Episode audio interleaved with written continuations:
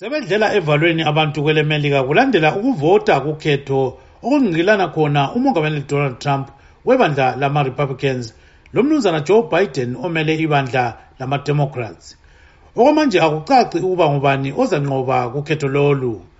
Ophethe idale lesenate emaryland umnumzana bill ferguson ukhangelele ukuthi ubiden lonkosikazi kamala harris bazanqoba utrump lomnumzana mike pence.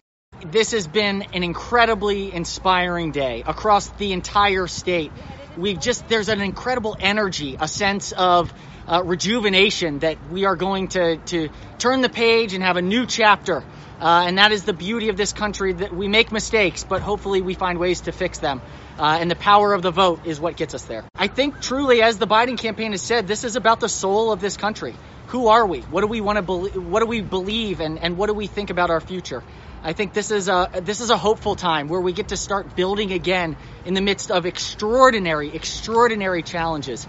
Uh, now is the day that we take back our future to say we can be better than we are right now. kodwa unkosikazi arit udo umsekeli katrump uthi utrump uzanqoba kukhetho lolu I'm just hoping and praying that our president he has been doing such a great thing for this nation and for black people as well and I'm praying and hoping that he's re-elected for four more years.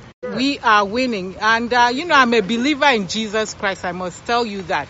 So I go by um, what the prophecies and different things, what the Holy Spirit has been telling me. That's how I live my life. I don't vote by emotions.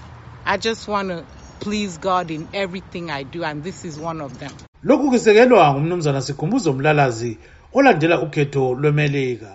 Ngithi indoda ekuthiwa yi-trump manje. Ya utrump eh mina ngibona ngani kunamathuba amahle kakhulu especially ebantwini abafuna ukuzwa iqiniso eh bazomvotela ukuthi babe trump eh angisho ukuthi ngizwisisa utrump but ngiyalalela eh ukuthi abantu abaningi basebenzisa ama-feelings abakhulumi kakhulu ngeqiniso. Um ungananzelela um we have to agree ukuthi sihlala in the world. In one world but we are different. So kuba utrump ubeka nje kube sobala ukuthi we are different and we need to compete ukuze silingane kumele sicompete so eh ngibelieve ukuthi eh abantu abaningi especially ama-president i think emuva ungakhangela i-america benama-president ayi-forty-four.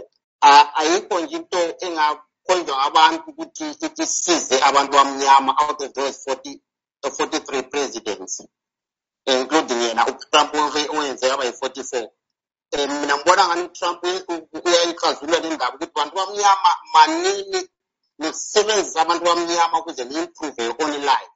Umnumzana busani mbuso ntini uyakuphikisa lokhu. Ngokubona kwami ngisho lesikhuluma nge-black lives matter kulama-injustices amanye ayenzakala abantu abamnyama. Utrump kuyespect ukuthi aphume akhondeme izinto ezimbi ezathaka abantu abamnyama so ubiden umuntu ovele waphuma watsho ukuthi hhayi uyasupporta ama-black lives matter so i think ama-injustices ayenzakala abantu abamnyama azabambeka elungiseke under iticket lika-biden lo-harris unkosazana khethiwe pepe uthi ukhangelele ukuthi ubiden uzanqoba. Mina vele i'm just like uh, sitting on my age and like ngitshela ukuthi ngihlezi ekucineni kwesitulo ngimelele ukuthi ngizwe ukuthi kanti vele kuzathiwani but hhayi ukuthi utrump abuyele ehofisini kuyabe kuyabe sokuyikufa kwethu abantu bamnyama. Sivele sesihle siphele ozanqoba kukhetho lukamongameli kumele athole ama-electoral votes angamakhulu amabili lamachumi ayisikhombisa 270 ngimele istudio 7 ngise-maryland ngingugibbs dube